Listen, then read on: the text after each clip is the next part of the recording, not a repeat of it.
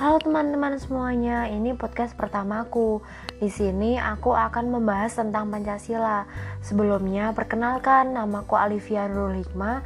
Kalian bisa panggil aku Ivi. Berbicara tentang Indonesia ini, kita tuh tidak dapat dilepaskan dari status Pancasila sebagai dasar negara. Uh, sebagai dasar negara, Pancasila itu harus diposisikan sebagai sumber utama bagi para pemimpin pemerintahan dalam pengelolaan negara. Bukan hanya itu, masyarakat pun kita atau warga negara Indonesia ini tuh harus menjadikan Pancasila sebagai pedoman hidup di bangsa Indonesia. Uh, kenapa seperti itu? Karena nilai-nilai yang terkandung dalam Pancasila bagi bangsa Indonesia menjadi landasan dasar serta motivasi segala perbuatan baik kehidupan sehari-hari dan dalam kehidupan kenegaraan. Gitu.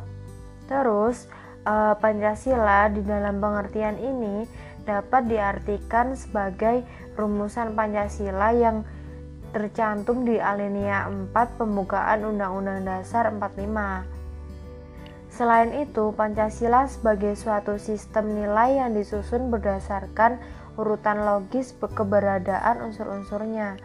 E, kalau, kalau kalian tahu ya, Pancasila itu tuh juga sebagai satu kesatuan sistem nilai yang artinya juga membawakan implikasi bahwa antara sila yang satu dengan sila yang lainnya itu saling terkait.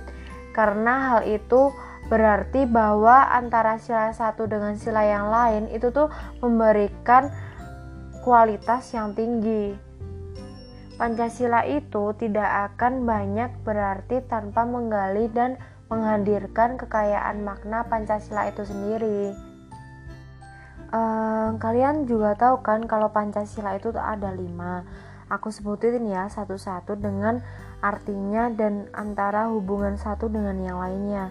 Yang pertama, sila pertama, yaitu ketuhanan yang Maha Esa. Sila tersebut mengandung arti dua hal. Uh, yang pertama yaitu bangsa Indonesia menerima dan mengakui dimensi kemahakuasaan Tuhan. Kuasaan Tuhan itu diterima bangsa Indonesia dalam seluruh kehidupannya, yaitu dengan sikap yang telah terbentuk sejak zaman dahulu tapi warga bangsa Indonesia ini memiliki kebebasan beriman, memeluk ajaran, dan menjalankan praktik keagamaan yang mereka anut. Uh, mengimani Tuhan itu tuh justru menggerakkan kita orang-orang dan warga negara ini untuk memeluk memeluk nilai-nilai kemanusiaan. Yang selanjutnya sila kedua itu kan ada hubungannya nih sama sila pertama yaitu uh, kemanusiaan yang adil dan beradab, yaitu mengajarkan kita warga bangsa Indonesia ini dalam kehidupan sosialnya itu tuh untuk konsisten memiliki sikap hormat terhadap sesama, menghormati harkat dan martabat manusia, yaitu tuh dengan cara uh, menghormati dan menjamin terselenggaranya pemenuhan hak-hak asasi manusia. Dengan sikap itu, kita tuh mencerminkan sikap warga bangsa yang beradab. Kaitannya dengan sila ketiga yaitu persatuan Indonesia, mengingat warga negara Indonesia ini bahwa Indonesia secara fakta terbentuk dari keanekaragaman budaya, identitas, agama, e, berbagai macam bahasa dan sebagainya itu kita tuh tidak akan tercerai berai hanya dengan sikap warga negara secara sadar itu tuh kita tuh suka rela dengan setia mengikatkan diri kepada satu tubuh himpunan bangsa Indonesia ini semata-mata karena uh, semangat persaudaraan yang melandasi ruang batin kita. Karena kepentingan warga yang mendiami rumah persatuan memerlukan manajemen pengelolaan yang memadai agar persatuan bangsa ini tuh tidak akan pernah goyah. Uh, maka dari itu para pendiri bangsa itu kita itu tuh juga mendirikan e, membuat sila keempat yaitu kerakyatan yang dipimpin oleh hikmat kebijaksanaan dalam permusyawaratan perwakilan.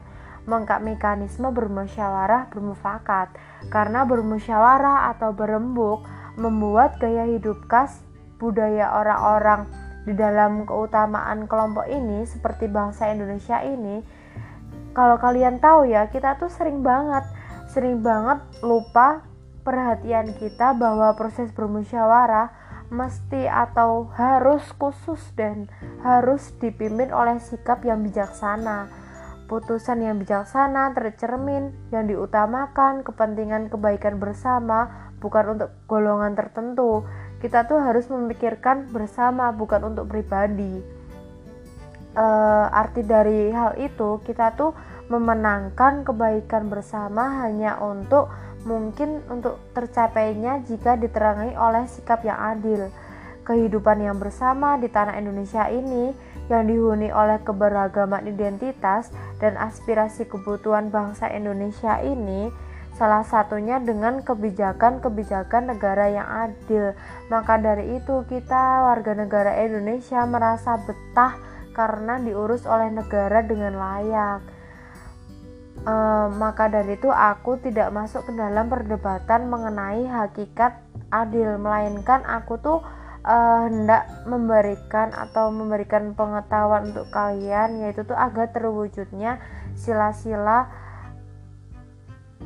yang aku sebutin tadi. Dengan kesempatan itu kita tuh uh, memberikan kemampuan material atau imaterial, politik, hukum, pendidikan, kesehatan, agama, atau yang lainnya itu, kita tuh harus mendistribusikan kepada kita semua uh, untuk sebagai warga negara Indonesia Pancasila itu tuh uh, sikapnya tuh adil untuk kita semua. Semoga kita tuh menjalin sikap yang solidaritas keberpihak, keperpihak, keberpihakan negara yang menghargai dan martabat rakyatnya terutama yang tidak berdaya. Makna yang terkandung dari lima sila di atas yang tadi aku jabarin aku kasih tahu untuk kalian itu tuh menyediakan orientasi bagi manusia warga negara Indonesia ini untuk berwatak religius, humanis, baik di dalam kehidupan pribadi maupun bersama untuk negara tercinta ini. Uh, Pancasila itu tuh jika dilihat dari nilai-nilai dasarnya ya, kita tuh juga bisa dikatakan sebagai ideologi terbuka, apalagi untuk zaman modern ini di era globalisasi ini kita tuh uh, dituntut untuk mengikuti arah perubahan yang apa untuk kita tuh harus lebih maju untuk mengikuti arah perubahan apalagi perubahan tentang pengaruh luar walaupun uh, maupun dalam negeri. Dari semua itu kita tuh harus ada pendirian agar tidak uh, apa ya agar kita tuh tidak akan tergoyah dari eh, nilai-nilai uh, yang tertanam dalam diri kita. Kita tuh tetap apa kita tuh mengikuti arah perubahan tapi itu kita harus juga ingat tentang Pancasila. Jangan melupakan atau uh, apa ya melalaikan nilai-nilai Pancasila gitu kita tuh harus tetap ingat dan teguh akan Pancasila itu sendiri gitu